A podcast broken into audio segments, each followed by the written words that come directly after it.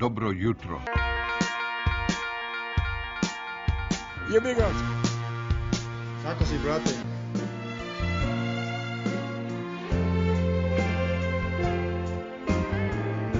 Bilo lepo.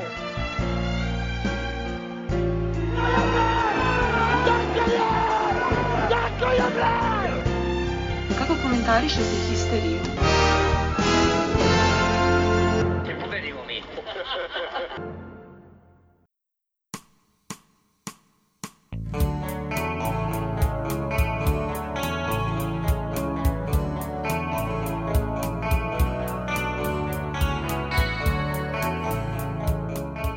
Dobar dan, dragi historikalci. Sada jedna ženska osoba najavljuje ovu epizodu.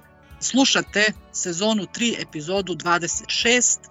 Biće reči o košarci od sjaja do očaja i o futbalu samo očaj. Dobrodošli. Bolje te našli. Hvala. Bolje te našli. Hoćemo da Miletu džingl odmah, pa... Imaš devojku ti.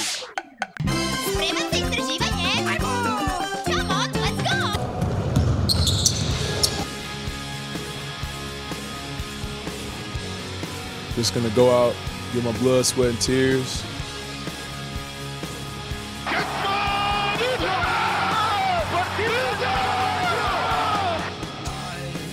Perché tifi Partisan Belgrado?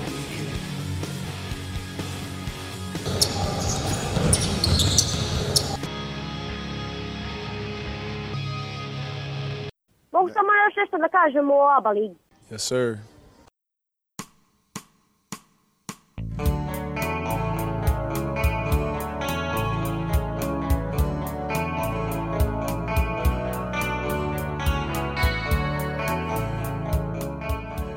Kao što je naša draga gošća Viktorija već rekla, košarku smo imali od sjaja do očaja. Sjaj je naravno bio viđen u utakmici protiv Hamburga u utorak u okviru Evrokupa gde smo odigrali jednu fantastičnu utakmicu kako u odbrani tako i u napadu e, gde smo prvu četvrtinu završili rezultatom 34-14 gde je do, zaista kompletan tim bio razigran i raspoložen za igru gde smo vidjeli ponovo jednu lepu ra- raspodelu e, minutaže od strane Obradovića gde smo imali nekoliko onako i highlighta i spektakul, spektakularnih poteza poput onog, ne znam, onih u stvari za, za kucanja Matijasa Lesora, uh, asistencije iza leđa Kevina Pantera, pa do onog bacanja za loptu Zeka Ledeja, ali samo uh, dva dana i to nepuna dva dana kasnije imali smo onu zaostalu utakmicu sa Megom uh, gde smo videli potpuno drugo lice Partizana, pre svega što se tiče igre u odbrani, nismo uspeli da zaustavimo više nego oslabljenu ekipu Mege gotovo čitavu utakmicu. Dobru od, odbranu smo odigrali samo u par navrata i, i to nije bilo dovoljno da se dobije utakmica koja je morala biti, biti dobijena um, ali ajde da prvo krenemo sa lepim stvarima i sa utiscima a, protiv a, koji su viđeni protiv a, Hamburga kako ste vi videli tu utakmicu i čime možemo da budemo zadovoljni. Daćemo prvenstvo gošći. Izvoli Vić. Meni je ona akcija Panter, dodavanje iza leđa i zakucavanje lesora, ja mislim da sam je ogledala milion puta od utakmice. Prelepo. Znači, stvarno, ta utakmi, mislim i celu utakmicu sam još nekoliko puta gledala. Ono je, nadam se, nadam se da je ono, da je ta utakmica pokazatelj kako ćemo da igramo. posle dva dana posle te utakmice, ono protiv Mege, ne znam, meni ono više deluje da nije dovoljno spremljena utakmica. I naravno i da su igrači bili lako ćemo. To verovatno zbog onako odlično odigrane utakmice protiv Hamburga, pa su lako ćemo sa Megom. Ne znam kako smo pristali da na taj termin, na manje od dva dana posle evropske utakmice, posebno zato što nije zbog nas odložena utakmica. Bukvalno mi deluje da nije spremljena kako treba, da možda zato i što Mega nije igrala sa svojim standardnim igračima, nego imala dosta igrača koji ne, ne igraju, pa nije moglo ni da se skautira. Ne znam, ne znam, stvarno ne znam šta je razlog onako očajne igre. Ali, bože moj, bit će bolje valjda.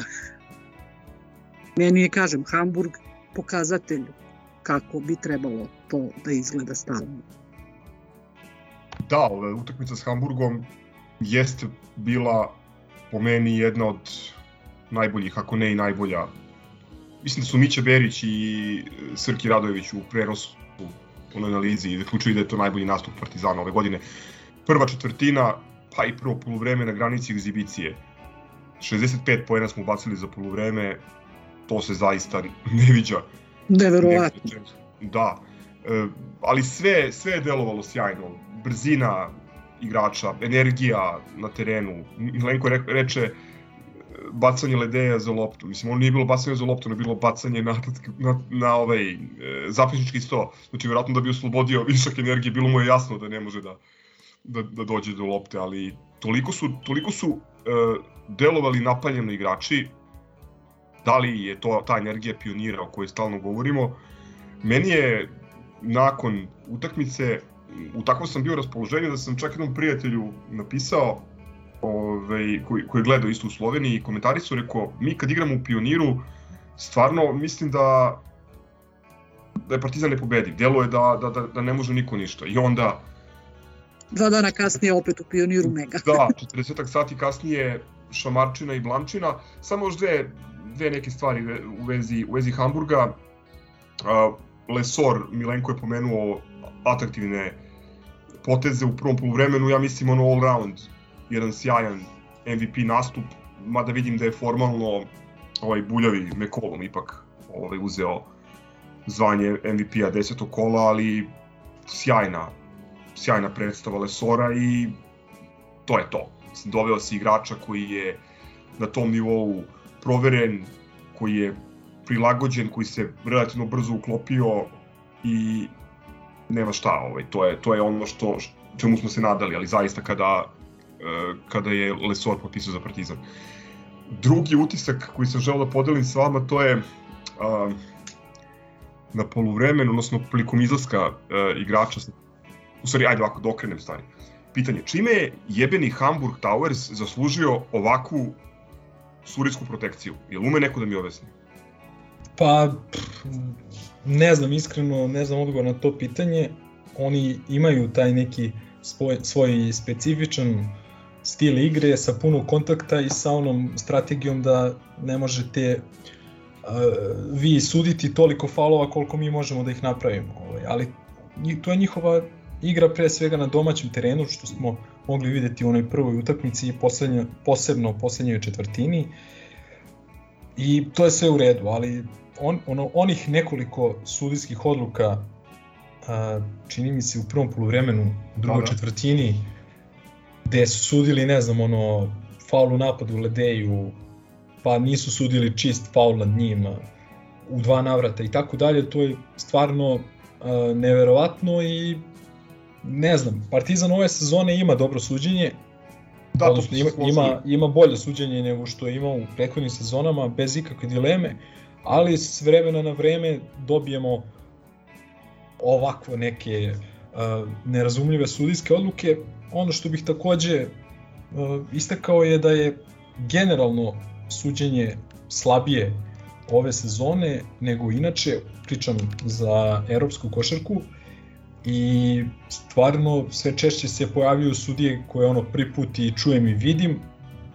Mm, i sad ja nisam siguran da li je to više do kriterijuma ili do neznanja. To stvarno mi nije jasno ne znam imali smo da ne bude sada, mislim dobili smo 25 razlike potpuno zasluženo i to je najbitnije od svega, ali šta kad dođe utakmica na, na jednu loptu? Da treba pričati ukoliko nismo zadovoljni. A mene, izvini Milenko, mene uh, ova situacija sa suđenjem isprovocirala, zapravo htio sam da, da podelim jedan drugi utisak s vama, to da prilikom izlaska sudija na odmor 200 ljudi bukvalno jebava majku, viš, visi sa krova, pionira, uh, pokušava da utiče na, na, na to da se promeni kriterijum i to je ta neka energija dvorane uh, koju definitivno Partizan nema u, u, u areni.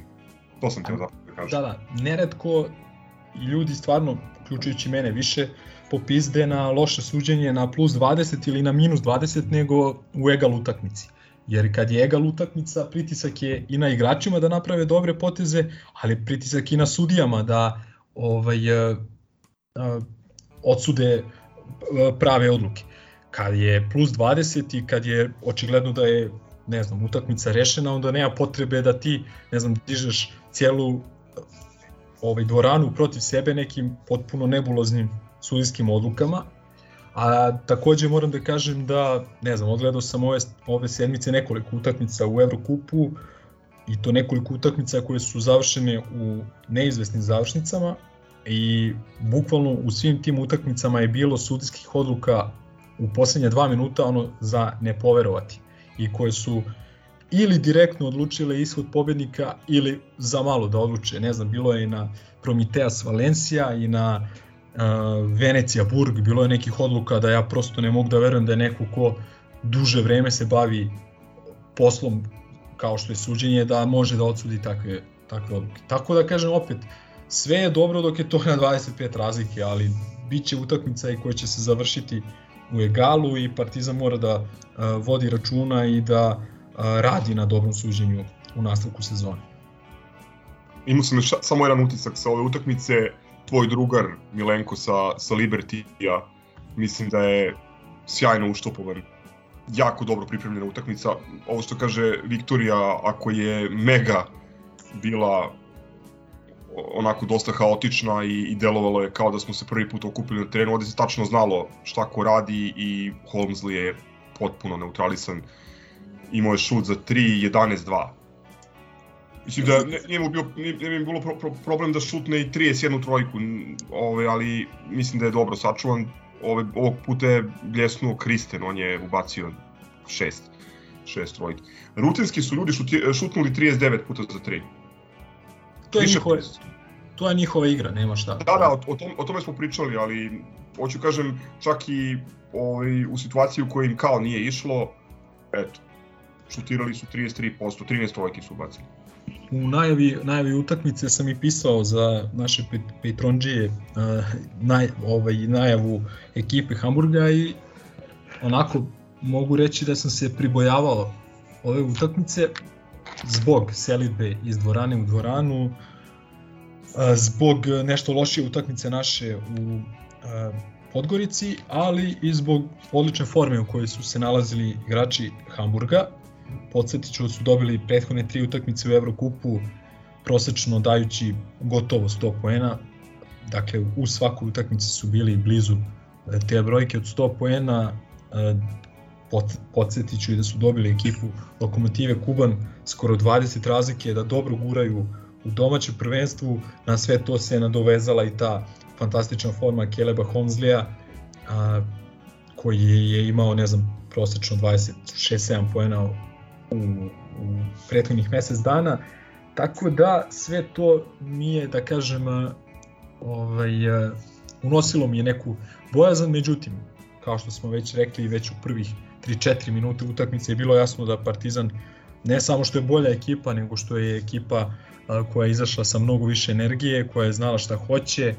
Pomen, pomenuo bih i prvu četvrtinu Kevina Pantera koji je odigrao maltene bez greške, koji je dobar deo razloga zašto je Partizan tu četvrtinu dobio 20 razlike.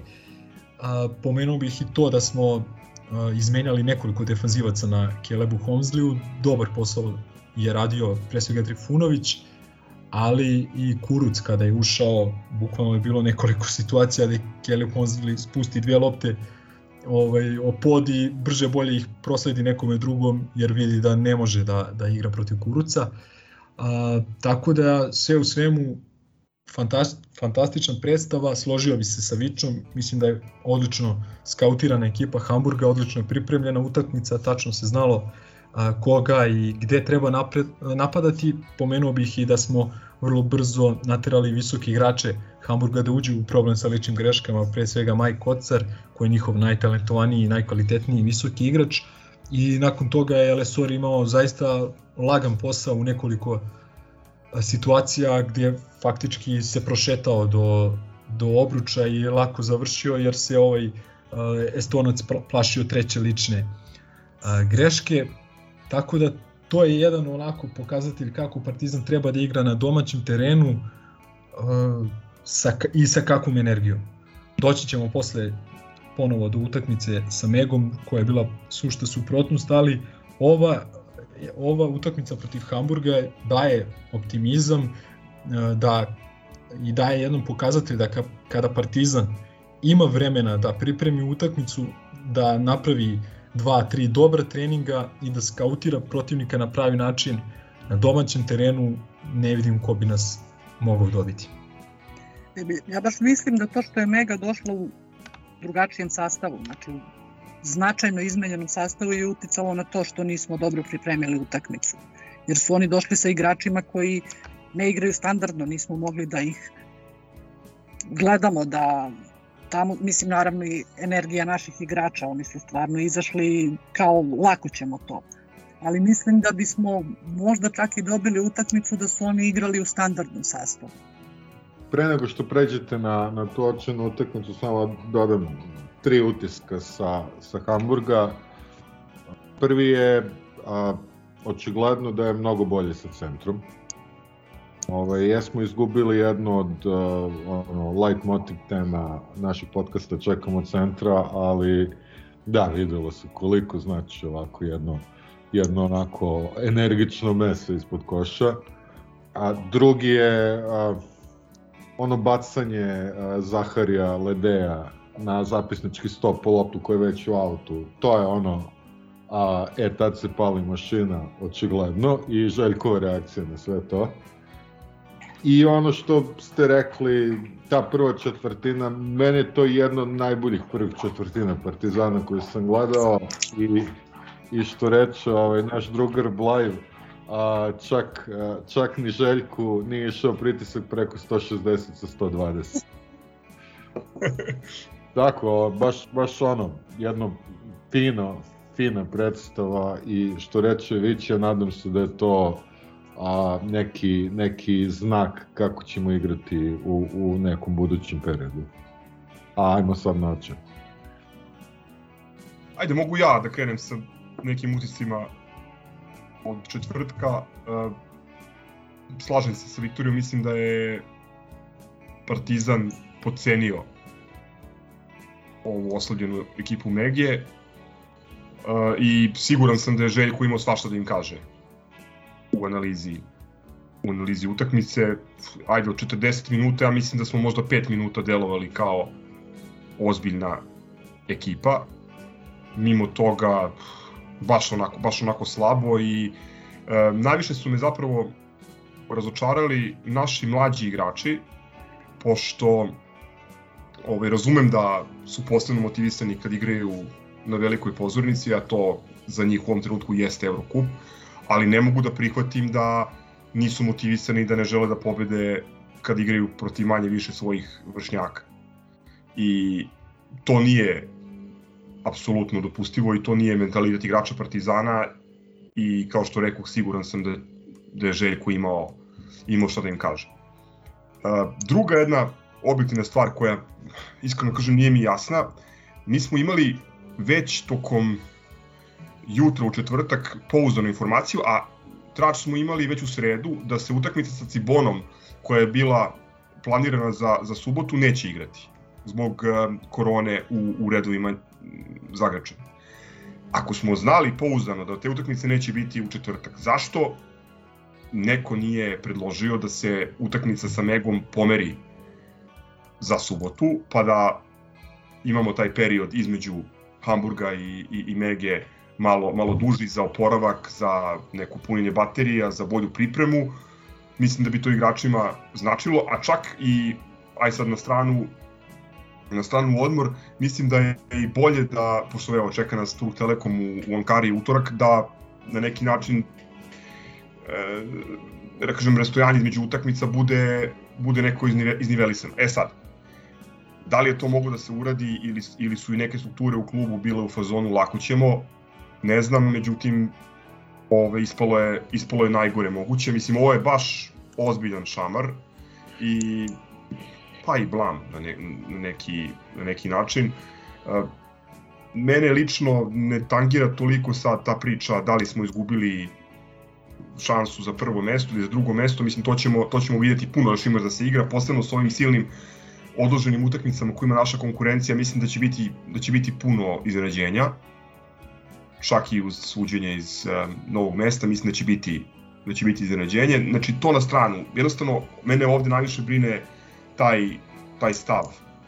To nije stav igrača Partizana, to mislim da ako hoćemo da gradimo atmosferu i ponovo reputaciju pionira kao, kao nekog mesta gde klubovi dolaze i gube u startu 20 razlike, ne smeš da pustiš nekog ruskog igrača ti ubaci ne znam ni sam koliko trojke. Oni su, oni su zapravo uradili, Mega je uradila ono što smo u prethodnoj epizodi sa Tufijem pominjali kao mogući najgori scenario za Eurocup knockout fazu kada se bude igralo na jednu utakmicu, da se pojavi neka ekipa koja je objektivno slabija od tebe i da ti ubaci 14-15 trojki uz šut 50%. Eto, nama se, nama se to desilo. I mi smo uprkos tome i uprkos realno ono svečarskoj ili što bi Dulo rekao svadbarskoj atmosferi u 85% utakmice mi smo došli u situaciju da u poslednjem minutu napravimo preokret i da praktično sve zavisi od jednog poseda i onda opet tu ovaj, ponovo kobno prezime Smith. Uh, ne mogu da kažem da, da nisam islakirao, ali realno, da, da, da, da pričamo realno krajnje i otvoreno, nismo zaslužili da pobedimo nakon onakve bole kurcije tokom većeg dela utakmice. Uh, Mene brine sad ono što, što si rekao da smo igrali protiv Mega dobro par minuta. Samo, e, isto tako je bilo i protiv studentskog centra. Mi smo protiv studentskog centra isto par minuta odigrali dobro, tu utakmicu smo uspeli da dobijemo, Megu nismo uspeli da dobijemo. Znači, mene samo brine to da to ne postane, ne znam, ne sme tako da se ulazi u utakmicu. Lako će mi. Jer eto, protiv studentskog centra smo uspeli, sad nismo uspeli da, da, da dobijemo utakmicu. A na isti, isti je pristup bio i na onoj utakmici kao i protiv Mega. Pa nije ovo naša prva loša utakmica ove sezone, to bez ikakve dileme. Pogotovo u utakmicama gde smo izraziti favoriti i gde smo trebali rutinski da dobijemo.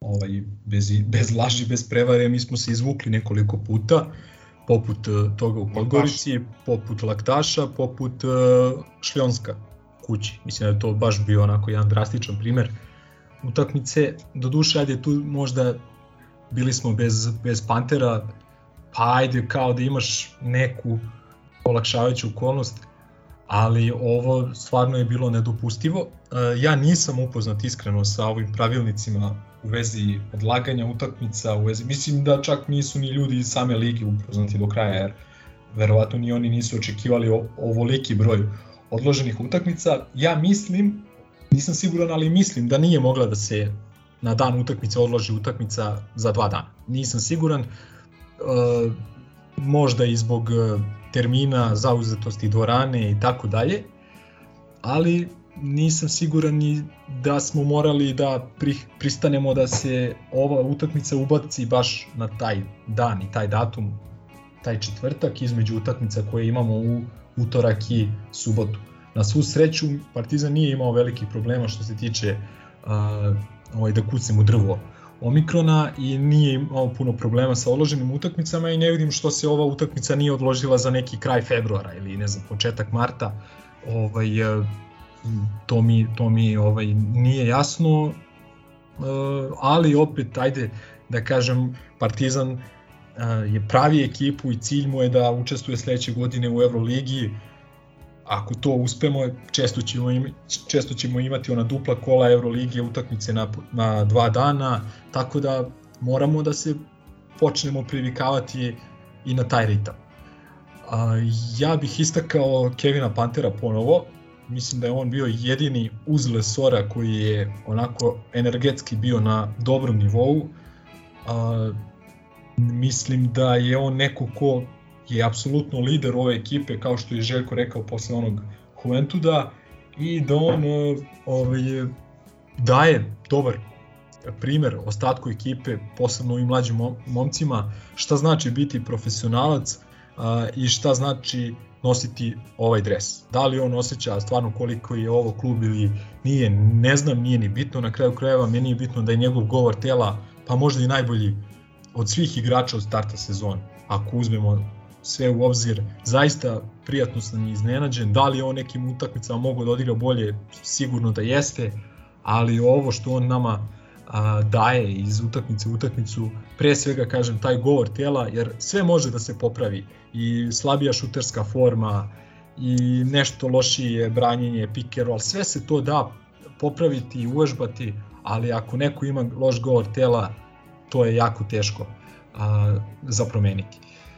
Lesor takođe možda je, eto, ajde da dam sebi za pravo da, da malo i kritikujem ovaj Željka, možda je mogao u nekim drugim a, kriznim momentima drugačije da raspodeli minutažu, da Lesor odigra koji minut više, mada i Lesor je bio na parketu u ona posljednja dva minuta prvog polovremena, čini mi se gde smo a, zapravo i dopustili Megi da sa iz egala ode na 11 razlike, čini mi se je bilo na polovremenu 9 ili 11, nije toliko ni bitno.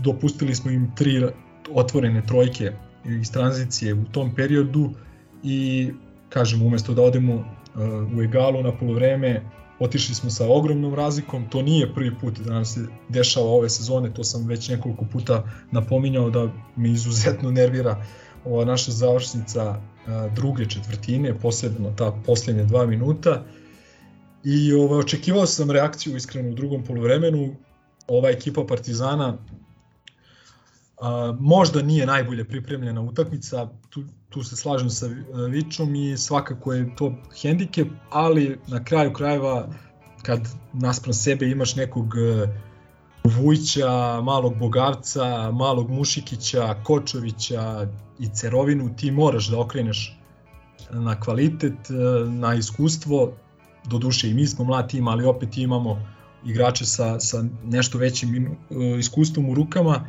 tako da očekivao sam reakciju u drugom poluvremenu, ona nije stigla sve do poslednja dva minuta, kada smo došli u situaciju da okrenemo na kraju, videli ste i sami, nesmotrenost Smajlagića, nepotreban faul u napadu, nakon toga i moramo reći loša odbrana Lesora na tom preuzimanju. Mnogi postavljaju pitanje zašto se nije pravio faul koji smo imali da damo do izlaska iz bonusa, pa ja mislim da je prosto razlog taj da bi u tom slučaju dopustili Megi da ima poslednji šut na utakmici. Ovako smo se odlučili da branimo i da u slučaju dobre odbrane i ovaj obezbeđenog skoka da imamo mi napad za, za pobedu. A, jedan od najslabijih šutera iz protivničke ekipe je odlučio da step back trojkom a, pokuša da reši tu utakmicu i rešio je na našu žalost, ali opet kažem, mislim da nam se malo i obilo glavu a, baš taj pristup koji smo imali na nekim utakmicama ove sezone gde smo bili a, favoriti na papiru. Tako da je moralo jednom da se okrene a, i a, na našu štetu. Izvini, Amerika... Milenko, izvini, ako se niste dovoljno iznevirali, sad ću da vam kažem nešto što će da vas baci u potpuni očaj i bedak. Borac je upravo pobedio Megu u onoj njihovoj fiskulturnoj sali 85-91, Skuči Smith naravno šut za 3, 6-1, Ružencev 8 poena za 22 minuta i tako dalje. Eto. Da, nije to, iskreno nije mi to toliko ni uh, iznenađenje, s prostog razloga što ova Mega u ovom sastavu na kojim, u kojem je nastupila protiv nas, a verujem i danas, nema toliki kvalitet, ali su odigrali jednu vrhunsku utakmicu, na tome im čestitam i kažem opet, nadam se da će tako igrati ovaj, i protiv, protiv naših komšije.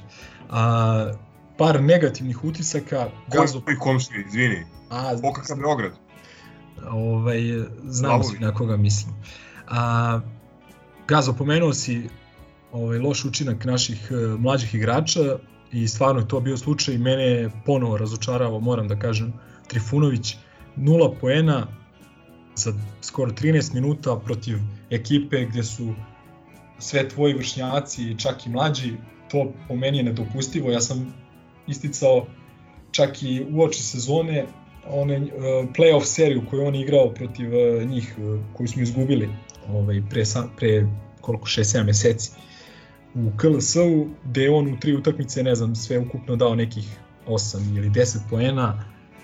Jednostavno, loša, loša utakmica, ne samo njega, i glas je bio loš, i kuruc je bio stvarno loš. Nije mi jasno da, da igrač sa onakvim predispozicijama i sa onakvim talentom se zadovoljava sa, ne znam, tri uzeta šuta, sa četiri poena protiv ekipe, opet kažem, koja nema, nema taj kvalitet. Ovaj, e, Avramović imao isto nekih loših odluka i rešenja, mada ajde on izlazi iz korone, tako da možda mu treba malo vremena, Ledej isto nešto slabija partija. Jednostavno niko po meni sem Pantera i u većem delu Lesora nije bio na zavidnom nivou. Što se tiče Mege, pohvalio bih ovog malog Mušikića koji, za koga pouzdano znam da je ono ogroman grobar i ovaj, odigrao je dobru utakmicu, postigao dve trojke, tako da eto, ovaj, nadam se da će nastaviti da se, da se razvija i da jednog dana zaigra u voljenom klubu. Evo da dodam ja neke, neke svoje utiske sa ovog očenog meča uz ogradu da sam gledao samo drugo polu vreme, a jasno je zašto posle nisam premoto da pogledam prvo. Ove, da, a, prvo, prvo dobili smo upravo odgovor zašto nismo pokušali da odložimo za subotu, zato što su ovi igrali. Tako da ovaj, nije ni bio slobodan termin, a, ali ono, pošto sam eto poslednji upao, baš i nemam, bok zna šta kažem, velika bole kurcija, a, loš stav, a, ajde da kažeš loše pripremljena utakmica, mislim, ajde sad da skautiraš njihove juniore, to nekako ovaj, ne možemo se na to vaditi. Znači, jednostavno nema, nema opravdanja. I uh, lepo reče Lemzi, nije nam prva da tako iskilovimo i moralo jednom da se desi, tako da ne bih ni analizirao da li smo mogli da odbranimo poslednji napad, da li smo, da li smo, znači jednostavno do toga nije, nije smelo da dođe. Rekoh, blam, šamar, idemo dalje, mislim, nadam se da će da bude posle ove utakmice prst na čelo tema. Pa morat će da bude prst na čelo, pošto idemo na jedno dosta nezgodno gostovanje u Ankaru. Baš me zanima, Milenko, ajde, pošto smo uh, obojica gledali Turk Telekom u, protiv Bolonja, doduše igrali su u dosta oslabenom sastavu bez, čini mi se, DJ-a Harrisona i našeg nezaničnog, nas ne, nezanične maskote sa detina Donata. Je bilo u, u Parizu? Jeste i bila je muzika. Je Bila je vreme. muzika, poslao sam ti poruku, samo nisi očigledno pročitao, da se uključiš na, na Čičin karaoke. A pa verovatno si poslao na, na Instagram, pošto to je jedino što ne proveravam. Elem, bez većih problema je dobio Bulonj. Milenko, da li se slažeš sa mnom da će ipak biti teška utakmica protiv TT-a u Ankari? Oni su domaćinska ekipa, odnosno bolje, ajde da kažem, nisu ono klasična domaćinska ekipa da teško gube na domaćem terenu, ali definitivno igraju bolje, na, dosta bolje na domaćem nego na gostujućem terenu. Prvo i osnovno moramo da vidimo da li će igrati Aaron Harrison. On je najkvalitetniji igrač te ekipe i igrač sa najvećim brojem poena u rukama. Uh, I svakako se njegovo odsustvo izuzetno oseti kao što se osetilo u uh, Parizu protiv Metropolitana i kolo ranije protiv uh, čini mi se Hamburga i tu utakmicu sam gledao i tu nije igrao. A Jahon Johnson Gazo mislim da je igrao. Nisam 100% siguran, ali mislim da je mislim da je igrao u Parizu. A ovaj a, e sad, ako je dobra stvar odlaganje Nije, nije igrao, nije igrao Jahon Johnson. A, ok, onda. Ali svakako mislim da je ipak uh, Aaron Harrison tu igrač broj 1, tako da on tu pravi po meni najveću razliku. Dobra stvar je što je ova utakmica sa Cibonom odložena iz prostog razloga što ćemo imati više vremena da se pripremimo za Turk Telekom koji igra inače danas, dakle dva dana pre ove utakmice sa nama, tako da mi sad nećemo imati izgovor taj. Sad će oni biti u poziciji koju smo mi bili pre par dana da igramo dve utakmice u 48 sati i po mom nekom mišljenju Partizan mora da opravda ovde ulogu favorita i da pokaže da je sa razlogom kandidat za najveći plasman. Kako burgije. Može da pita majstore šta oni misle o Aleksu Perezu i Antoniju Clemensu. Majstori, majstori. E, a ovaj, samo bih još jednu, uh, ovaj, uh, jedan utisak vezan za ovu utakmicu protiv Mege. Uh, nešto bolja partija, pre svega napadački Smajlagića u odnosu na prethodni period. Čini mi se da on upao u krizu sa tim prelaskom sa pozicije 5 na poziciju 4 i ako se setite većinu poena koje je dao na utakmici protiv Mege je dao baš kada je bio u paru sa Ledejem na onoj našoj dobroj staroj postavci sa njima dvojicom na pozicijama 4 i 5 i sa pozicije gde je napadao protivničkog uh, centra. Uh, da li će se insistirati da on ostane na poziciji 4 ili ćemo možda videti više minuta za njega na poziciji 5, a manje minuta za Balšu, ostaje, ostaje da se vidi. Opet kažem, imao je nekoliko izgubljenih lopti u poslednjoj četvrtini, ono kad je pokušao da prevede loptu pa mu skuči Smith ukrao loptu sa leđa, to je po meni veća glupost i gora stvar nego onaj faul u napadu koji se dešava. Da li je bilo faula na njim pre, pre tog faula u napadu, vrlo moguće da je bilo, ali opet on je morao bolje da zaštiti tu loptu i da preda a, drugom igraču. Ne znam da ste videli reakciju Zeka Ledeja, to je isto ovaj, vrlo da, simpatično. Da, da. I što, opet, uh, ajde opet da kažem, to je stvarno možda moment koji je prelomio utakmicu. I... histerija. Pa da, opet vidiš da mu je stalo. Što je opet, kažem, dobra stvar, taj govor tela, to nešto što ne može da se... Pusti uh, ti to, jeste prate oni na Instagramu? Pa to, moramo istražiti je. I ko od njih treba da volim, uh, volim ga Koka 2. Ne, očigledno da je to sad o, rezultat mog propuštanja prvog polovremena, jer je a, moj utisak bio baš da je Smiley bio loš na utakmici. Što znači da ovo što sam ja odgledao u drugom, tu su uglavnom bile greške, a, forsirani nerezonski šutevi i jako loša pokrivanje odbrane. U odbrani je katastrofa, tu, da. tu se odmah slažem i ne samo u ovoj utakmici, jednostavno ima on problema sa tom koncentracijom, ima problema sa komunikacijom sa, sa igračima, da li je preuzimanje, da li nije preuzimanje i tako dalje, na strani pomoći takođe, on može da odigra dobru odbranu 1 i 1, ali problem je što to nije stalno slučaj, u timskoj odbrani on ima ogroman prostor za, za napredak. Ali... Izvini, ali to je upravo ono o čemu smo pričali, to je razlog za to je činjenica da je pre treniranja sa Golden Stateom igrao treću ligu u Kotežu. Mislim, prosto Absolut. taj deo, on je skočio iz osnovne škole na magistarske studije i sad se vratio da radi, ono, završi srednju i upiše fakultet kod Želja. Realno.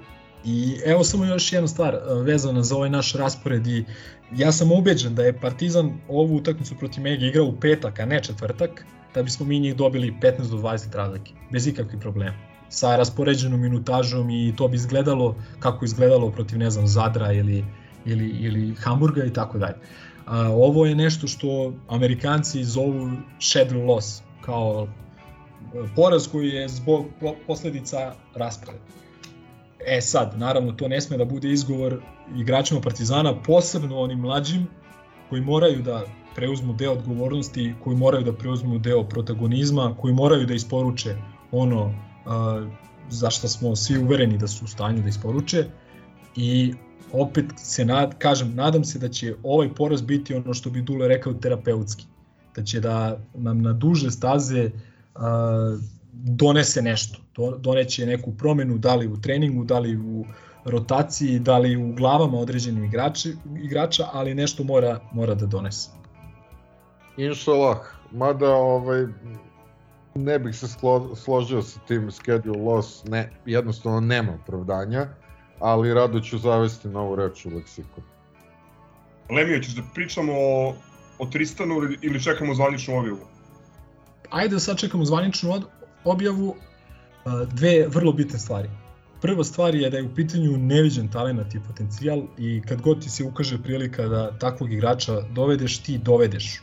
Bez brige i razmišljanja da li će ugušiti nekog drugog, da li će on imati dovoljno prostora, jednostavno za takvog talenta moraš a, da nađeš prostor, on ako dođe, bit će naš peti visoki igrač, a, što je po meni sasvim prihvatljivo i sasvim normalno da jedan tim koji napada trofeje u više različitih takmičenja posjeduje centarsku liniju sa pet igrača, on može da igra na pozicijama 4 i 5, odličan šut za 3 poena, jako je mlad, 18 godina svega, ima on dosta a, toga i da uči i da a, fizički da sazreva, tako da kažem.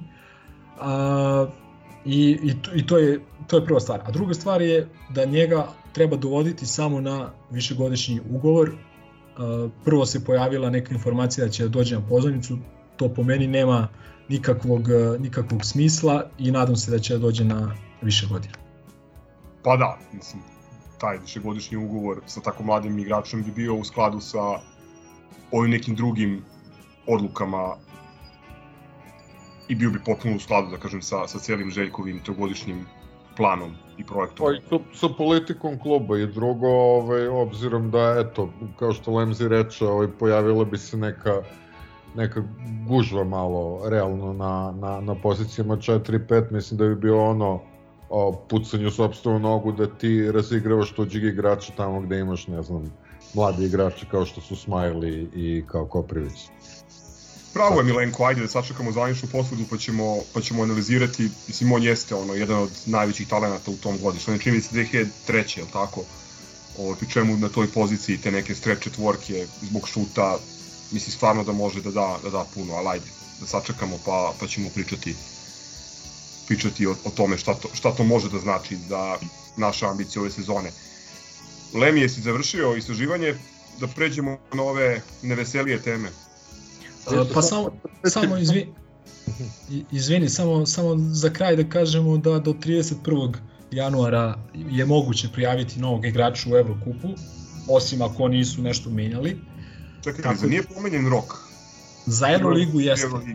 Za Euroligu jeste, ali mislim da nije za Evrokup, ali nisam 100% siguran. Ali u svakom slučaju očekujem da za nekih 7-8 mm -hmm. dana ono, znamo sa sigurnošću sa kakvim timom ulazimo u završnicu sezone. Jel na kraju će da se igra finale u Beogradu? Niko to ne zna. Bila je neka najava, ja mislim da je to i dalje na nivou predloga. Nisam siguran da je, da je to potvrđeno. Čak mislim da nije, da formalno nije ni potvrđeno da će se igrati finale Eurokupa umesto uh, utakmice za treće mesto. Mislim da je to ideja i dalje, da to nije formalno. Da, da, da, da. Ne znam, Milenko, da li ti imaš neke druge informacije? Nemam, nemam, s tim što mislim da će to na kraju biti progurano iz prostog razloga što to finale bi trebalo se igra na neutralnom terenu. Ja ne vidim da se ono gradovi i države utrkuju ovaj, pa samim tim što je Nemačka, odnosno Keln, odustao od organizacije Final Four Euroligije, jasno govori da prosto uh, ozbiljnije zemlje neće se bakću sa time, posebno sada za vreme pandemije, tu je utrčao Beograd koji će imati punu dvoranu bez ikakve dileme i ne vidim što iskreno ne bi, nevezano da li igra Partizan ili ne, ne vidim iz perspektive uh, Evrolige zašto ne bi ubacili i tu završnicu Evrokupa, jer samim tim onda do, uh, navijači još dva kluba će hteti da kupe ulaznice, da budu tu i na kraju krajeva i to će, znači napravit ćeš dva spektakla, spektakl Evrokupa i finale Evrokupa i finale Euroligi. Tako da iz svakog ugla posmatrano to mi je sasvim logična odluka. Top, nadamo se da će biti u Beogradu, nadamo se da će, da će Partizan biti tamo, odnosno svi mi sa njim. Škripi, parket. Sa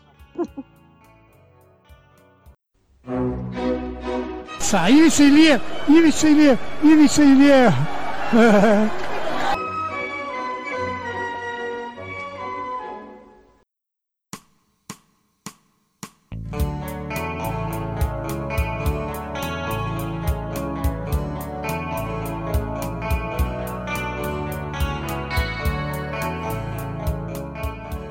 završili smo košarkaški segment, sada prelazimo na ove neveselije teme na futbolske teme koje mogu da se svedu na tri neke teze. Okvir su znači iznogud Vazura i njegov čarobni Ćilim i novi petogodišnji mandat. Pripreme u Turskoj na koje je ekipa jutros otputovala i to slabija nego pre mesec i po kada smo se raspustili. I s tim u vezi odlazak Aleksandra Šćekića u, u jebeno zagle, zaglembe ili zaglebje ili kako se već izgovara na poljskom.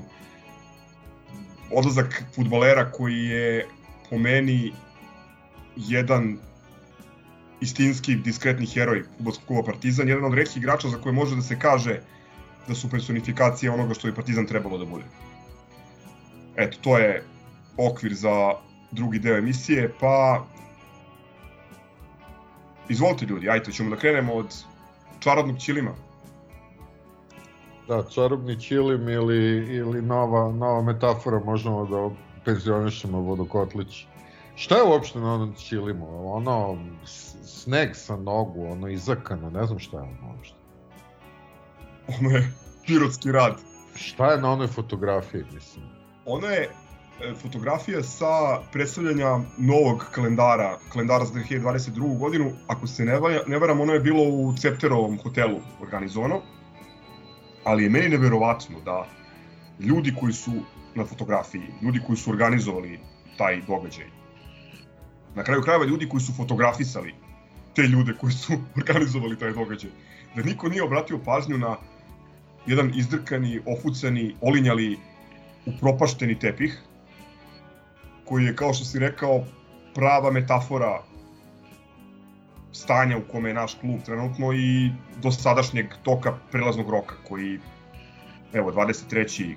januar je danas, otišli smo na pripreme i kao što, kao što rekoh, mislim da smo otišli objektivno slabiji jer smo izgubili jednog bitnog igrača, jednog od najstandardnijih futbolera u prethodne 3,5 godine.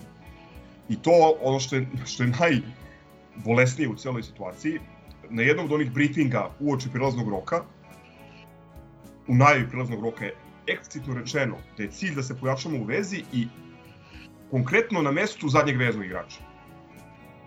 I posle 10 dana, kao reakcija na to, ti ostaješ bez jednog od dvojice najstandardnijih igrača upravo na tom mestu, gde kao tražiš rešenja za pojačavanje. Mislim, potpuno neverovatno. Ne, ne mu kažem da je kontraintuitivno, nego je baš Ne, direktno je pojačanje, ali, ali ovog... Naše konkurencije. Jest, tima sa, sa druge strane brda. Ajde, doćemo do Šćeke kasnije, nego zanimaju me ti opšti vaši utisci o, o tome kako je krenula 2022. u futbolskom timu.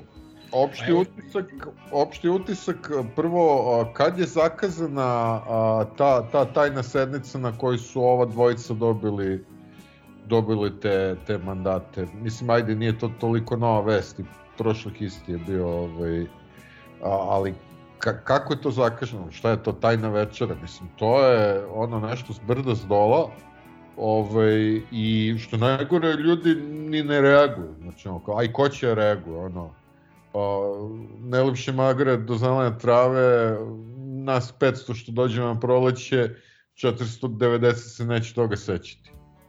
Tako da rade bukvalno šta hoće, ono, prćija. Ja mislim... To je neverovatno. Nedavno je bila skupština i košarkaškog kluba. I mislim da smo mi svi znali, objavljeno je i kad je, znači znali smo, a ovo sad kad je za futbalski klub, bukvalno je samo izašla vest da su ovi dobili nov mandat. Ja bih se vratio na tepih, ovaj čuveni. Moram priznati da je kad je Gaza poslao kropovanu sliku, ovaj, prvo sam gledao nekoliko trenutka, trenutaka u cipele ovaj, patike ovih učesnika i pro, pokušavajući tu da shvatim šta, ovaj, pretpostavljam sam da je e, na to aludirao. Tek posle sam primetio da je tepih i ono, prvo mi je, ne znam, kako se zove, ovaj, pomisao bila gde su i ludaci organizovali ovo u nekom, ne znam, ono, alternativnom ne znam, Dorčel placu ili tako neko mesto, nemam pojma. Akademiji, da. I, o, I onda stvarno, posle kad sam video... Na akademiji bi bio bolji tepih. Izvini. A ne, zapravo, zapravo taj tepih i jeste ono, sasvim prigodna, prigodna stvar vezana za, za ovaj klub, odnosno uh, rukovodstvo. Njeno rukovodstvo, zaista ne bi bilo ok da je to organizovano bilo gde drugde, bar ja tako vidim. Uh, što se tiče ostalih stvari, Šćekić možda nije najkvalitetniji igrač na svetu na svojoj poziciji, ali izuzetno zahvalan igrač, jedan od onih uh, igrača koje moraš da imaš u klubu, u rotaciji, na treningu, u karantinu, teleoptiku i tako dalje. Ono, lice koje navijači vole, lice koje ti donosi, tačno zna šta donosi u svakom trenutku možeš da očekuješ to od njega. Tako da, ali opet kažem, pretpostavljam da je tu bilo neki dugovanja o, i da prosto i on, dečko, ono što se kaže, mora da obezbedi sebe i svoju porodicu. Ovaj, e, ali meni je utisak uh, od početka godine uh, ona najotrcanija fraza uh, u sportskom novinarstvu kod Srba i posebno kod uh, novinara koji prati futbolski klub Partizana, to je da je prelazni rok živa stvar. Znači, meni se diže kosa na glavi. Ili se povraća. Da, da, bukvalno, znači, živa stvar. Pa šta znači živa stvar? Šta, mislim, živa stvar je za, ne znam, tamo neki Porto i za neki Šahtjor i za Dinamo Zagreb i Atalantu i za sve je živa stvar, ali to izgleda ima negativnu konotaciju samo što se tiče Partizana i njenog rukovodstva. Tako ja, da... Ja, ja samo imam da dodam da da je naš prelazni rok preminuo izgleda. Tako da... Ja, samo pre nego što pređemo na Šćekiće, samo bih da se osvrnem na ovaj, na, na povod stajanja na otrcanom čilimu, a to je onaj kalendar. Kako vam se sviđa? Pa meni se dopada, mada mislim kao i većina stvari koje se tiču Partizana nije pitanje da li ti se sviđa, nego kada ćeš da kupiš, to je pitanje. Da, ali meni je, meni je malo ono, a, a, malo mi je deplasirano ono sa onim blurovanom pozadinom, znači bukvalno ono delo je kao da su snimali na onoj maglovitoj utakmici protiv Slane Bare. Ali ok, to su ukusi. Mislim, meni, meni je dalje žao što nije bio kalendar sa onim Deda Mrazom nego je to bio samo photoshoot. To bi to bi uremljivo. Pa nije bio samo photoshoot, do, bile su one dopisnice, da ne kažem različnice. Ni, nisam ih, nisam ih vidio. Znači, to, to je za uramiti i za nazid. I te kuma Vilija, njemu sam poslao jednu. E, inače, samo da kažem za, za te kalendare, mislim, meni je tu, jedna, ono već iz godine u godinu, jedna interesantna aktivnost, i da ne kažem hobi, da pratim recimo tamo kad dođemo u septembar, oktobar, e, fotografije igrača koji su Ko je ostao? Da. taj mesec koji nisu u Partizanu ono već godinu i po dana. Otprilike zaboravili su i, i članovi porodica su ikad bili tu. Taj vrlo nesrećni izbor ilustracija mi je, mi je glavni, glavni utisak. Ajde, vidjet ćemo. Mislim, kao što reče Milenko, prelazni rok je živa stvar. Bukvalno sve, svi su ovaj, na ponud, ono, postoji opcija da svi odu, svi su na prodaju. Ne mogu da kažem da su na prodaju, pošto evo recimo Šćekić je otišao opet uz oprost dugova bez ikakvog obešećenja. U 14. klub Poljske, Poljske prve lige, mislim, zaista kapiram, kapiram argument, ono, zasićenje, dugo je tu, 30. godina, možda je vreme da to reši, što bi rekli, egzistenciju sebi i porodici, sve to mogu da razumem, ali brate, slatki 14. klub, ekstra klase, mislim, klub za koji je Partizan uz uzlo poštovanje zaista gigant u svakom smislu. Ja nemam nikakvih zamerki na, na, na Šćekića i na to što... Ne, ne, ne, ne nemoj pogrešno sad, ne ni ja, nego generalno koncept da mi, da mi, mi dajemo standardnog, eh, ono, jednog najstandardnijih igrača za džabe na deficitarnoj poziciji 14. plasiranom klubu iz Poljske lige. Mislim, s tim imam problem. To, je, to, to i pokazuje da direktno ne postoji nikakav plan. U, u, Ali baš, baš je to ono što sam rekao, ovaj, ono, kad smo, kad smo pričali sa Zgrom, koji uvek kaže ko je otišao ne zanima me, rekao to na stranu, ali a, vidi ti a, koje su ambicije našeg kluba. kad ti zagleblje uzima igrač. Mislim, sa, samo to. I mi kao o, imamo, imamo ambicije da da a, uzmemo titulu, da idemo na duplu kronu i da, da odguramo da, što dalje u Evropi. Maj. Mislim, imamo ambicije, imamo, imamo ambicije da, da, da Vazura ovaj, završiš neku kombinaciju. Tu se završavaju naše ambicije. Stigo još dve stvari da pomenem. Viktorija me isprovocirala komentarom, odnosno poređenjem ove skupštine za koju niko nije znao sa skupštinom koja je najavljena u košakaškom klubu i koja je onako ispraćena, pa mogu kažem, dosta temeljno. Uh, ta vrsta, ću reći ovaj, nešto što ljudi mrze da čuju, ali je važno, institucionalna transparentnost. Uh, mislim da je to bitno, ono, bitno je ne, ne samo za nas kao navijače koji zaista interesuje šta se dešava u klubu koji obožavamo, nego bitno je i za te ljude koji ono žele da vode taj klub. Oni svoj mandat i, i, i autoritet na tom mestu između ostalog crpe iz jeli, odluka koje su donete na, na pravi način, koje su dobre odluke, koje su ono donete uz ili nisu, uz ne znam, konsultacije sa, i, i naravno u, u, u interesu kluba. Mi niti znamo šta je bio Vučelićev izveštaj o radu. Niti znamo e, šta je plan koji on predstavio za, za svoj naredni petogodišnji mandat. Pričamo, znači ne govorimo o, o pet meseci, govorimo o pet godina. O, ovaj, njegovim rečnikom rečeno do 1927. je on overio overio mandata, s obzirom da se radi o nekome kome ni, ni korona ne može ništa, mislim, verovatno će da ga isplati do kraja, osim ukoliko ne dođe do nekih širih promena, pa ih onaj koji ih je poslao u klub i, i, i makne. Ali to je sad deseta tema. Neverovatno je, znači, ne postoji izveštaj o radu da vidimo šta je to, šta, šta, na osnovu čega je to Skupština, opet za koju ne znamo ko sve sedi u njoj, dala poverenje predsedniku. Zašto? Zato što nismo uzeli titulu četiri godine. Ali nismo ni kup. Samo da primetim, upravo se zaradi 10% diskaunta na roverove terence. Ove, ali nažalost. Ma ne interesuje me, ne, ne, kažem, ne kažem da je ono neki sveto primer, samo hoću kažem da kao navijač očekujem da makar taj minimum forme ispoštuju. Razumeš, ti imaš ono skupštinu koja daje pet, petgodišnji mandat nekome koji, znači mogli su bukvalno, evo, sedim pored neke saksije sa belim margaritama, nju su mogli da postave da bude predsednik. A zaista su mogli. To, meni je to sasvim okej, okay, jer uh, prikazuje koliko im se jebe za sve. Znači, eto. Bilo bi, bilo bi glupo da su ispoštovali formu to, to što se ni ne trude da, da ispoštuju ove formu, ono, puku, to, to govori o tome kakvo je upravo. To je iznogud i rekao sam tvom junioru, zaista toliko mi je to sve odvratno da ono, da imam godina koliko on ima, mislim ne znam da li bih i gde bih crpio entuzijazam da, da gledam futbol na proleći. Zaista ono, mislim, naravno uz, uz, uz bitnu ogradu da podrška klubu ne dolazi u pitanje, odnosno ljudima koji, igračima i, i slučnom štabu, apsolutno, ono, po, po, to, to se ne dovodi u pitanje ni, ni, ni, ni za jor, kakvi god da su i u kakvom god da su stanju. Ali mi sad tu kao jurišamo na, na titulu, u realnoj, u realnoj smo poziciji posle jako dugo vremena, posle hiljadu i po dana da sa prvog mesta jurimo trofej, igramo proleće u Evropi, a opet, mislim, ta neverovatna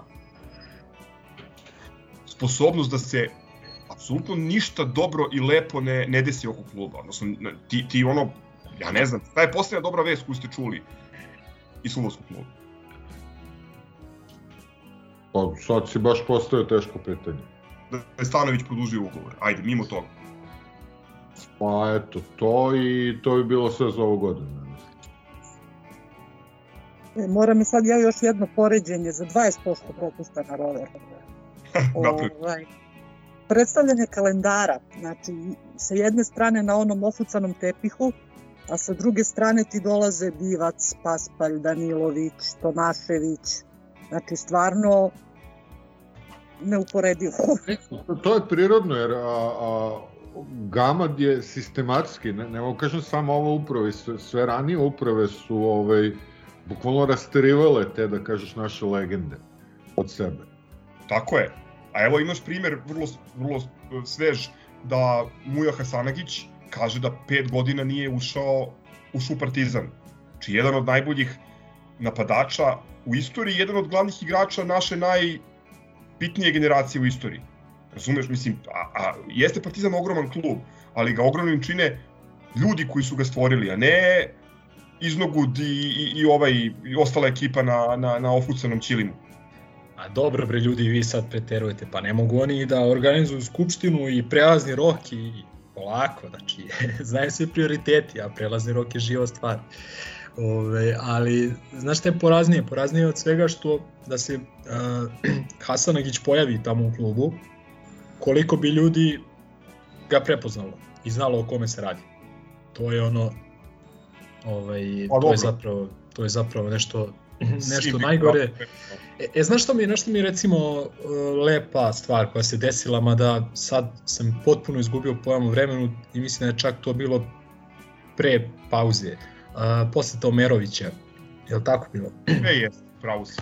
Ovaj, to, mi je, to mi je lepo i ja nisam imao pojma da on toliko dugo nije bio, da je on zapravo sve vreme u Turskoj i da iskreno... On nije bio na prostorima bivše Jugoslavije Da, da. ni jednom od Da, 90. da, da. Da, da, to, to baš nisam imao pojma i onako prilično, prvo mi je bilo nejasno zašto toliko najavljuju, kao pa dobro šta došao, lepo što je došao, ali on tek kad sam poslušao taj intervju sa njim, onda sam shvatio da čovjek stvarno dugo vremena nije bio tu i to je recimo jedna, jedna lepa stvar, eh, a koja je potpuno i normalna stvar i da je to nešto, eh, to zapravo taj stadion bi trebalo da bude mesto okupljanja viših igrača, e, funkcionera i šta ti ja znam.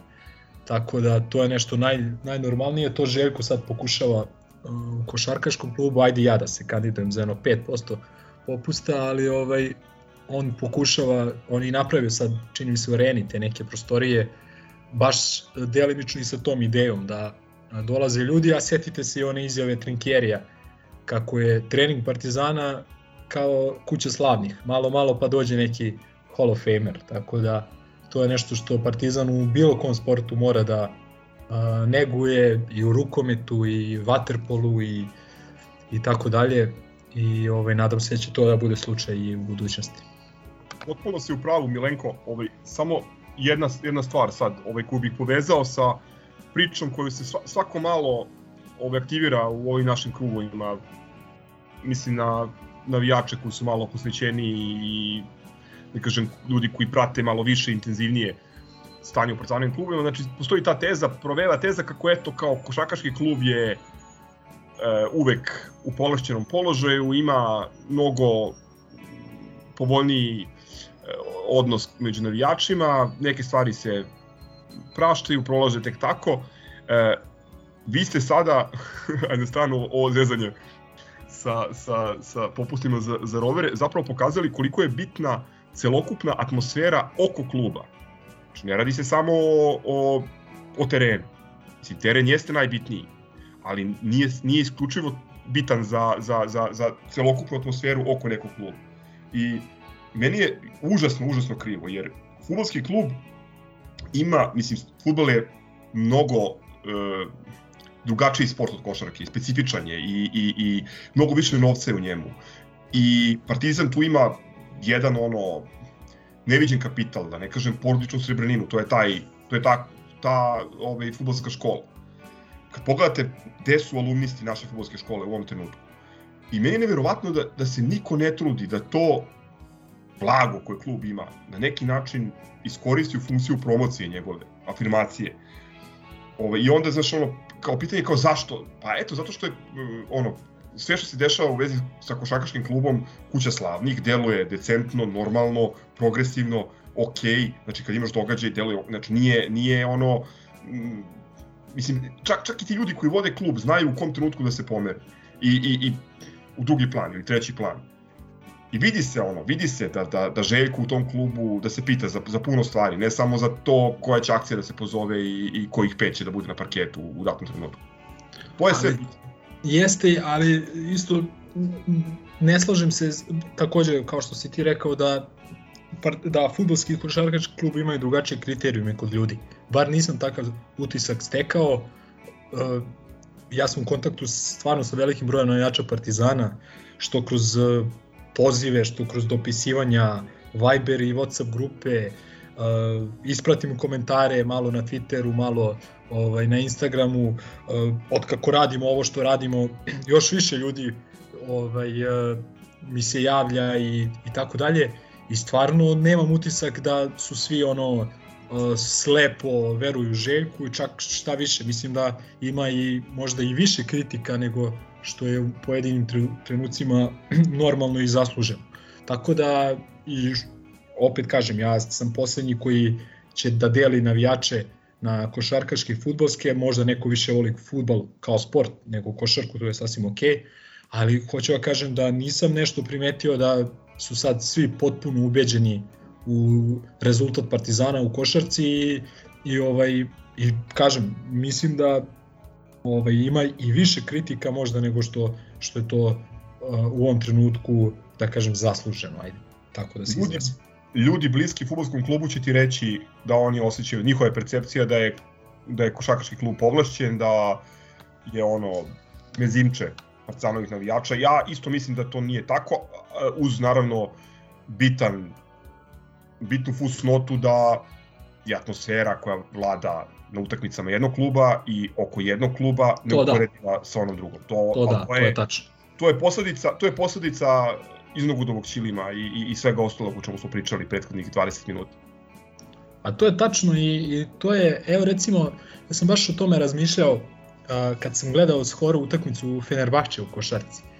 I Fenerbahče koji, kao što svi znamo, uh, nije nikakav košarkaški velikan, uh, posebno nije bio do te 2000 koje 13. kad je Željko preuzeo i mogu, mogu vam reći da su oni sada, znači 2021. druge godine, jedna onako pismena košarkaška publika koja razume košarku, koja razume kritične momente utakmici kada treba podržati klub i tako dalje. Naravno, nije to atmosfera kao u pioniru i nije atmosfera kao što je na futbolskim utakmicama Fenerbahče, Galatasaray i tako dalje, ali hoću da kažem da je Željkov rad tamo, odnosno rad jednog vrhunskog trenera, od njih napravio jednu košarkaški pismenu publiku. Navijači Partizana, ljubitelji košarka ovde, imali su tu čast i zadovoljstvo da godinama gledaju a, kako njihovu ekipu predvodi jedan od najboljih trenera u Evropi. Da li je to Duško Ujošević, Andreja Trinkieri ili sada Željko Obradović, vrhunski takođe treneri kao što je Džikić i perspektivni treneri kao što je Čanak i tako dalje. Znači, hoću da kažem da postoji jedan kontinuitet a, ovaj, poverenja između Partizanove publike i struke. Naravno, ima ogromnog broja a, kritika i tako dalje, ali sve ovo je godinama stvarano i zato Partizan ima takvu atmosferu na košarci kako ima. Dobro, a onda možemo da pređemo, a, a lepo se uklopa, a krenuli smo danas na pripreme i već je, ovaj, već je iscureo pa sklonjen uh, video iz aviona, ajde gazo ti si, ti si iz prve ruke to, ne mogu kažem ti iz prve ruke, ali ti si nama servirao. Nisam bio u avionu. Da, ti si nama servirao taj info, pa haj, hajde opiši to.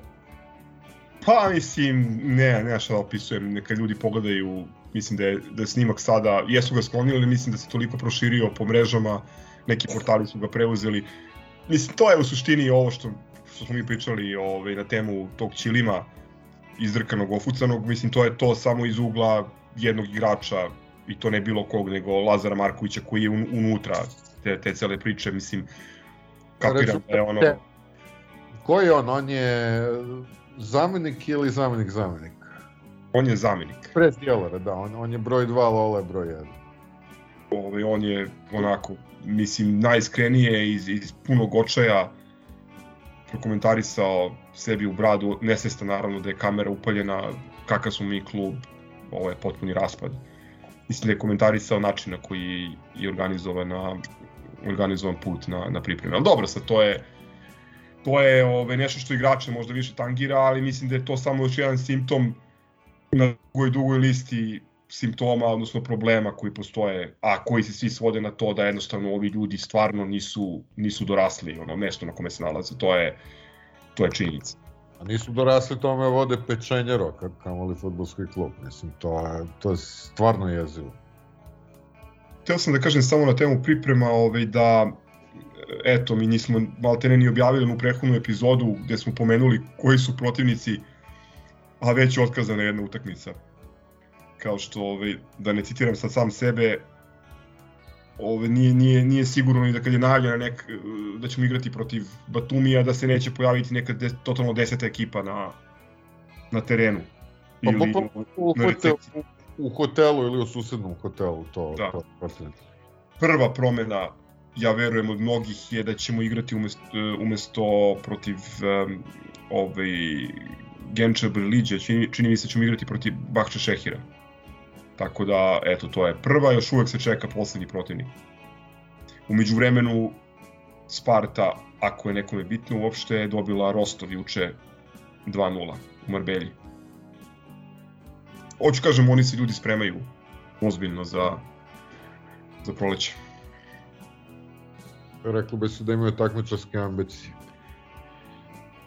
Dobro, da, da zaključimo ovaj potresni tužni blok, ovaj, pa idemo na redovne rubrike. E, ja sam samo teo da kažem još par reči o, o Šćekiću, pošto mislim da zaslužuje, zaslužuje više. Ove, neće, neću dugo vremena da uzmem, ali samo ne, par nekih ono biografskih natuknica i jedan ono lični utisak. Rekao sam, ono, za mene je on stvarno ono, pravi borac i diskretni heroj u jednom periodu Partizanove istorije koji je vrlo specifičan. Došao je mislim ako postoji ono dolazak na mala vrata, to je onda Šćekić u avgustu 2018. To je ona batina sezona. Mm, Ja bih to, ako pravimo već u ovoj epizodi brojne analogije i pobednice sa košarkom, to mi je slično onom Gilletovom timu koji je napravljen za 15 dinara koji se borio onoliko, ali stvarno koji je bio ono setovan da, da, da izgubi 50 razlike od Čovićeve ekipe, ali je uspeo da se izbori, tako i ta batina ekipa stvarno bila je postavljena ono, destined to fail. Došao za neki sitan novac iz, iz Turske i herojski odradio svaki minut. Ne mogu da kažem da su svi od početka bili potpuno ubeđeni da je on igrač za Partizan i da, Lem je pomenuo da nije možda primer velikog znalca, ali je definitivno primer pravog partizanskog borca i meni je, pa evo, samo ova sezona, ne moramo da idemo sada na, na da se vraćamo na obračune koje su oni izdjelar imali sa Markom Marinom, samo ove sezone gol protiv Sočija u, u poslednjem minutu za produžetke nakon onog kornera malog delinkventa Terzića i onaj gol u Milanovcu koji ovaj, i dalje ne mogu da verujem da je, da je on postigao ne neki, neki drugi igrač, pošto je nogom savršeno izveden udarac. Rekao sam, ono, važan deo ekipe, jedan od najstandardnijih igrača, prethodne tri i po godine jeste u najboljim godinama, ok, taj argument da se obezbedi, ali opet, mislim, meni stvarno nije jasno da, da, da mi puštamo takvog igrača u 14. klub poljske ekstra klase, posebno bez rešene situacije sa zamenom. Znači, mi ne da nemamo ne da nismo našli pojačanje, što je nešto što je najavljeno kao prioritet za ovaj prolazni rok, nego nemamo ni, ni igrača koji u ovom trenutku može onako sam uveren da uđe u, u Šćekićevu poziciju i da, i da, da igra to, to, mislim to što smo, što smo Šćekića dobijali. Mislim, najblaže rečeno kratkovido i ne znam, 133 nastupa, od toga 92 u Superligi i, i 12 golova. Jedan od igrača koji, mislim ono, borac, ali nije se ustezao da zaplače kad je imalo smisla plakati. Hvala na svemu i, i, i sve najbolje vidimo se na, na stadionu. E, ali sad, sad si me opet isprovocirao da, da, da pričamo o, o, tim stvarima. A, nije on otišao, ne znam, u Aston Villa za, za 10 puta veći ugovor. On će igrati za onaj novac koji bi mi morali da imamo da platimo. Kao klub sa takvim statusom i takvim ambicijama. A siguran sam da, da smo mu ostali dužni, bog zna koliko što, što je otpisao. To, to je problem. Jer a, takvi igrači jednostavno bi mogli i trebalo da koji su najboljim godinama da mogu da završe karijeru u Partizanu i da doprinesu, a ne da smo stalno na nekom krpežu, sad ćemo sigurno vratiti neko, neko naše dete, ne znam gde šta radi Kostović, Jevtović, mislim, zapravo. Do sledećeg otpisa dugova kad oni odu negde dalje ako mogu. Za oproštaj, je li imate neku situaciju ili trenutak ili potez njegov koji ćete pamtiti posebno? Pa meni oni nebrojeni golovi u poslednjih par sezona kada kada ovaj utrčava iz drugog plana i igra rezervnog centrfora i daje golove glavom one prave engleske old school. Ja ću pamtiti onaj sramni transparent I to da. na košarci. Pa da, na kraju krajeva i preko toga je prešao i nastavio da bude 110% u funkciji ekipe i šta je uradio za klub posle toga, mislim, to je posebna priča. Razlog više da ga, da ga cenimo. Milenko? Pa i bilo je dosta, dosta tih momenta poput gola Sočiju i tako dalje. Ali definitivno će ostati kao jedan od igrača koji su možda dali dosta više od očekivanja, od, uh, od onoga što smo očekivali. Sjetimo se kako je doveden, uh, da kažem da je došao na, na mala vrata sa još manjim očekivanjima. Ovaj, i definitivno je igrač koji je svojim ne znam, i zalaganjem i pristupom ovaj, dava utisak pravog, pravog onako igrača Partizana kakvog mi zamišljamo. Na, bar na toj poziciji zadnjeg vezka. Dobro, ako nemamo ništa više, da zaključimo da je prelazni rok živa stvar i da se nadamo da će, ako ne na ovim prvim pripremnim utakmicama, na prvim zvaničnim utakmicama na zadnjem vezno umesto Šićekića igrati neko ko nije Lola. Eto, to je moja želja. Vrlo skromno. A, da, i bojim se vrlo nerealno.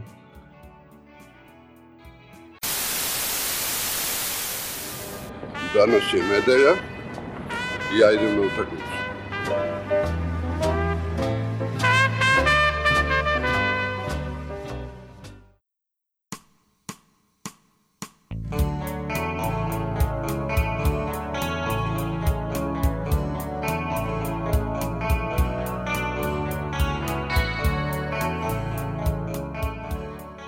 Ostale su nam stalne rubrike, ja bih samo pre nego što se bacimo na, na njih pomenuo bitnu stvar, to je da je objavljen raspored utakmica u Seha ligi, to je rukometna regionalna liga u koju smo se vratili posle jako puno vremena. I sad ću vam reći, um, igra se onako ne, neki, neki dosta neobičan format, uh, igra ukupno 10 klubova, s tim što 8 igra dvokružno u dve grupe, a dva kluba su povlašćena i uključuju se tek u, u doigravanju. To su Vesprem iz Mađarske i Meškov Brest iz um, Belorusije. Znači oni, oni što se kaže, imaju baj u, u prvoj fazi. Mi smo u grupi A, u kojoj su pored Partizana Zagreb, Pelister, uh, i slovački Tatran Prešov, u drugoj grupi su Vardar, Zaporožje, Nekse i Vojvodina. Uh, prva utakmica je 2. februara, samo sekund da pogledam, uh, da, pardon, uh, ne, naša, naša prva utakmica je uh, 7. pardon, februara protiv uh, Pelistera na Banjici. To je naša prva utakmica odnosno prvo kolo Seha Gazprom ligi, kako se ova liga zvanično zove u ovoj sezoni. Šta mi reci, igra se dvokružno, pretpostavljam. Da. E, igra se dvokružno s tim što s tim što, kažem, e, dva kluba su povlašćena i oni se uključuju tek kad prođemo u četvrt finale. A pre toga se igra igra ovaj, e, i play-off doigravanje klubova koji nisu koji nisu prvi i drugi na tabeli. Tako malo neobičan neobičan format, ali posle onoga što smo videli u Eurokupu ove godine bojim se da nema smisla komentarisati neobične formate takmičenja. Ovo je apsolutni vrh. Ovo doigravanje sa jednom utakmicom, mislim to... Mada mi kaže prijatelj jedan da to Milenko zna verovatno, ovaj, da tako nešto da je patentirano u američkom futbolu. Da, pa to ti je NFL, znači ti guliš celu sezonu koja traje i traje i onda bam, knockout jedna tekmoća. Ali dobro, mislim, ajde kažemo da je to razlog uh, zbog toga što igračima u tom sportu treba više vremena za oporavak, što su tu stravični udarci i, i ovaj, fizička potrošnja, tako da nije logično da tu napraviš playoff. A ovde u ovim moraju, sportovima gde... Moraju one gde, bandaže da se odmore od udaraca. Ma, da, da, probaj pa da vidiš. Ove, pa mislim, ali... sam, probao sam ragbi, mogu ti kažem da Evo, sad će, sad će ova gospoda, sport, razliku od onog cirkusa. Sad će ova gospoda da se uh, raspravljaju o, o tom besmislenom sportu sa jajastom loptom i da, da pokušaju da ubede jedan drugog koja od verzije besmislenog sporta biti. Izvini, jedno je sport, drugo je cirkus. Samo to hoću da kažem. Pa da, da. Koji? Da, ja kažem isto. Postoji nešto što je sport, što ne, se igra već 150 sport... godina. Ne, ne, ne. I nešto jedno... što je cirkuska disciplina. Jedno je sport, drugo je smaranje, tako da to je, može i tako da se i tako da se kaže. Ja samo upućujem šefa na njegovog omiljenog trenera Gileta i na njegove reči. Na pitanje koji sport je teže, u kom sportu je teže da budeš trener u košarci ili američkom futbolu, ovaj kaže, pa u američkom futbolu je jedno 15 puta teže. Uz ono njegovo standardno, daj nemoj me zajebavati. Tako da... Svaka čast. Ali, ne, ne, šalu na stranu, šalu na stranu, izvini, ali stvarno mislim, ako je u košarci je tradicija da postoji taj playoff i tako dalje, onda treba da igraš playoff, pogotovo ako ti donosi nešto poput plasmana u Euroligu. Tako da, alajte, to ćemo verovatno još par puta o tome pričati. Ne, vidi, dobro je da, da nisu bacili zimi za Amazonu isto te utakmice. Dobro smo i prošli što si... Da, da. da, ali najjače što, što ja i dalje mislim da oni, odnosno, to, sam moguće da je to strah koji sam navukao od Jordija, od uh, katalonske bitange, ja i dalje uh, ono očekujem da on u poslednjem trenutku izvuče nekog ono zeca iz šašira i da promeni opet format. Da ne, kaže, a... e, ne važi, ove, odlučili smo da zbog ne znam čega E, a samo, samo jedna stvar, samo jedna stvar. Evo recimo sad imamo situaciju da a, dve ekipe koje su prošle sezone ušle u Euroligu iz Evrokupa, to su Monaco i Unix, da se nalaze u prvih osam, čini mi se, u Euroligi.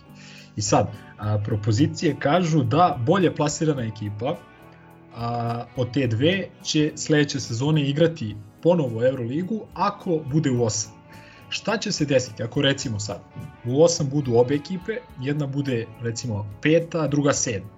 A ta sedma recimo dođe e, na Final Four, a ova peta ispadne u četvrtfinalu. Da li ova što je otišla kao sedmoplasirana na Final Four, da li ona ima prednost ili ove petoplasirane iz regularnog dela ima prednost? Znači, ono, ili će da donesu solomonsku rešenje da niko da iz Eurokupa ne, jest, ne dolazi. Da, da, igraju obe, da igraju obe ekipe. Znači, A da mi, da mi osvojimo Eurokup i igramo ga i sledeće godine. I punimo dvorane u, u Šljonsku i... Pa vidi, nemam ništa protiv iskreno. Molim te, vi, vi onako imamo wild card za Eurocup, pa ti vidi. Mi imamo wild card za Trento, ono, svi treba da se preselimo tamo u nekom trenutku. Valjda će ovo sranje da se završi jedno više. A bre, više, dokle je?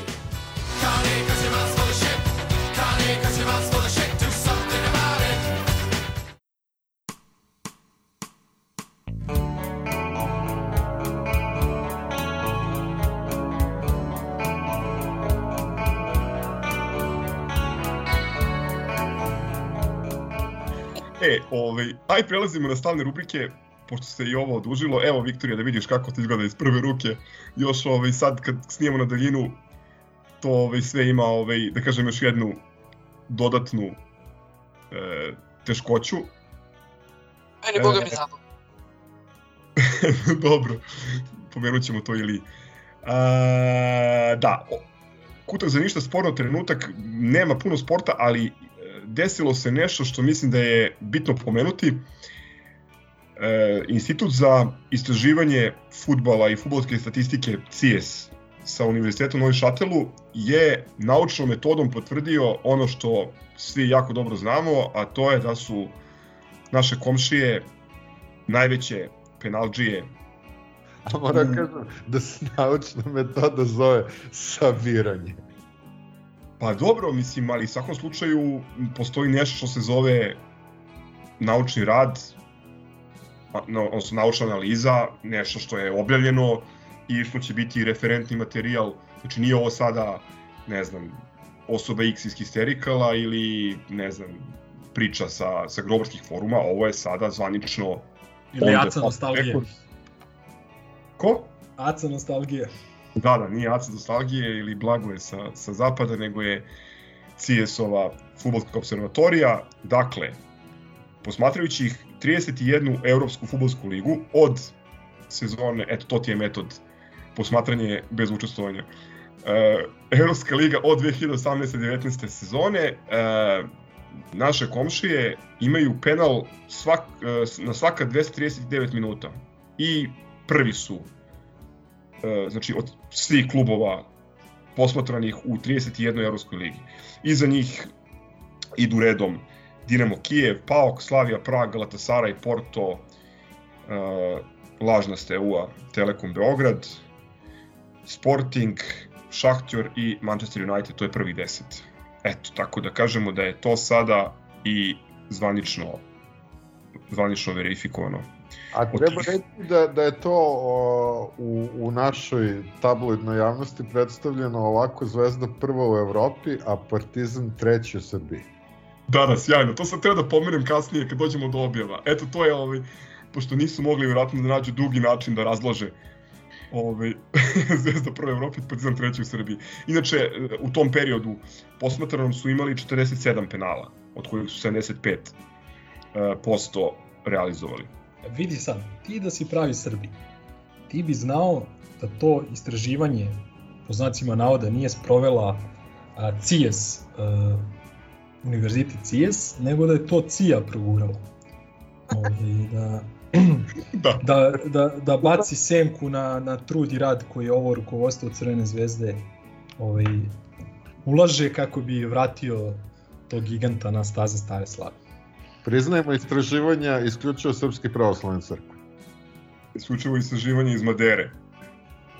Da, da, preko zaloga. Uz, uz odokativnu metodu ovaj, malo, malo uzmeš, malo uzmeš uh, pasulja iz, iz, iz kotlića ono, kutlačom, pa se dobro isprediš.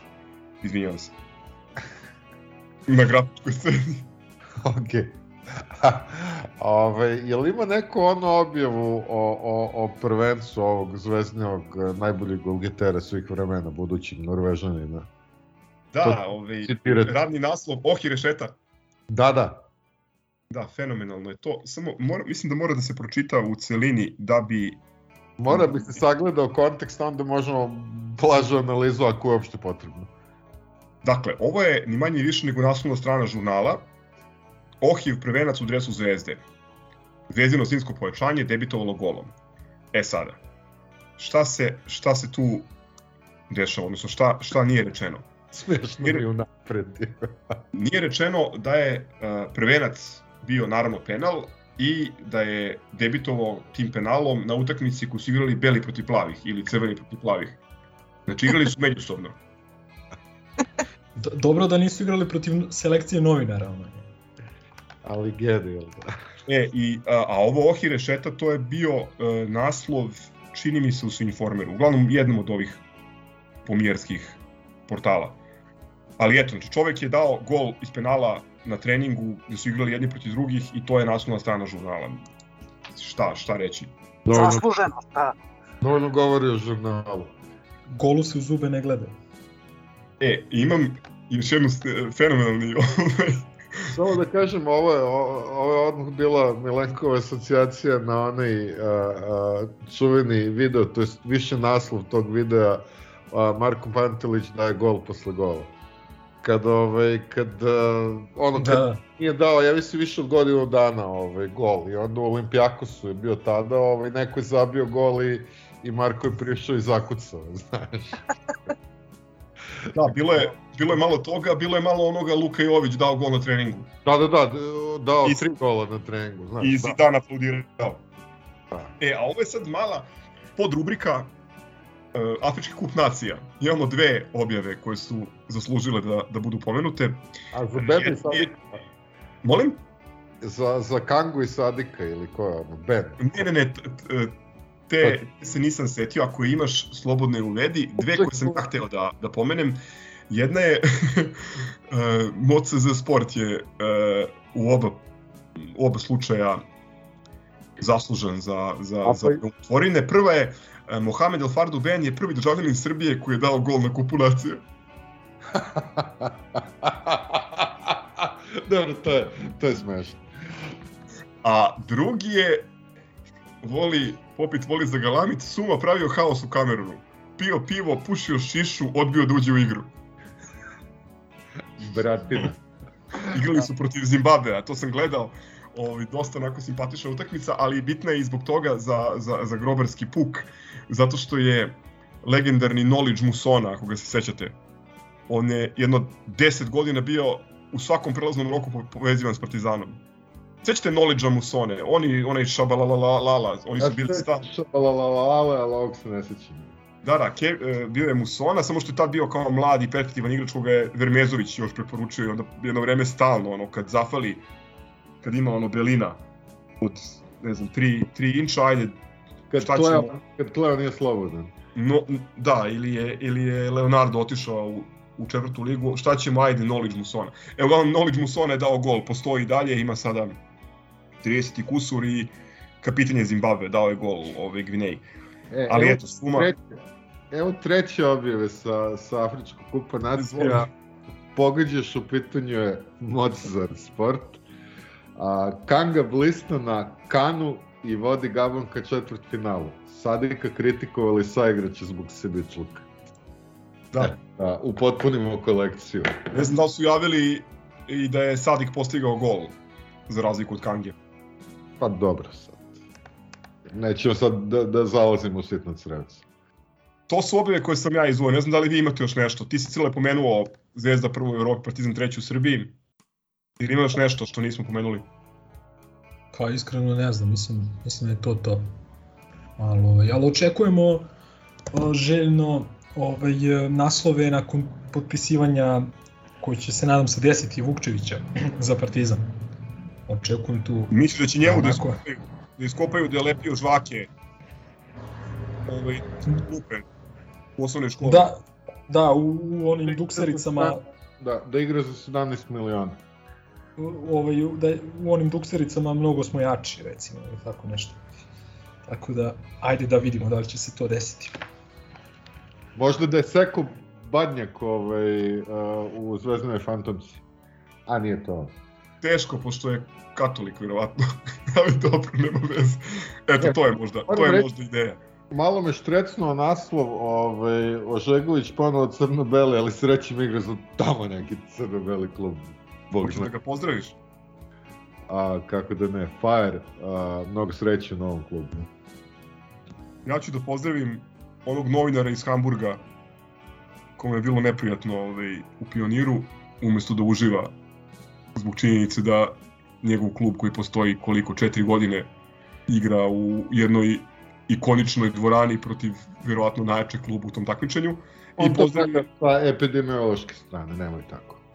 Dobro, šalim se malo. I pozdravio bih uh, struku sa foruma, nadam se da će ovaj Želimir da ih posluša, a i Uleb da će da ih anketira sledeći put, da oni kažu šta misle, ko je najbolji, najperspektivniji, najzanimljiviji za gledanje, koji trener najviše zna o košarci i tako dalje.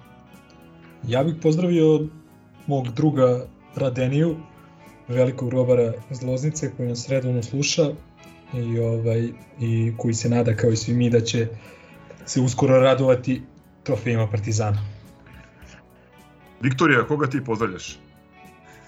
Ja pozdravljam moju drugaricu sa kojom se slažem u pitanju svega vezano za Partizan. Aj ponovi, što otišlo. Nadam se da ćemo, nadam se da ćemo uskoro početi da delimo gifove Brad Pitta na Twitteru. A, da. Ako niste čuli, nešto se Viktorija malo slabije čula. Znači, pozdravila je svoju drugaricu Jovanu, koja je naša drugarica, koja je uh, juče ili prekuće, kada je bio rođendan? Ovih dana je bio, sad sam izgubio pojavno vremenu. Ovaj, I ne znam, na, Viktorija, nadam se da, da se vidimo na nekoj torti Jovanima uskoro. Koji obećava. Može, obavezno, obavezno. Dugo, dugo obećava, tako da. Ništa ljudi, sa- sačuvajte se još malo, nazire se kraj ovog ludila, pa nadamo se uskoro svi smo na broju u Pioniru i podržavamo Želimirovu četu. I svi smo na broju na stadionu, svih 784. Da prođe pre finala u Beogradu. Ćao, to je to. Ćao. Ćao. Ciao, brate. Salim ti prijetna dan.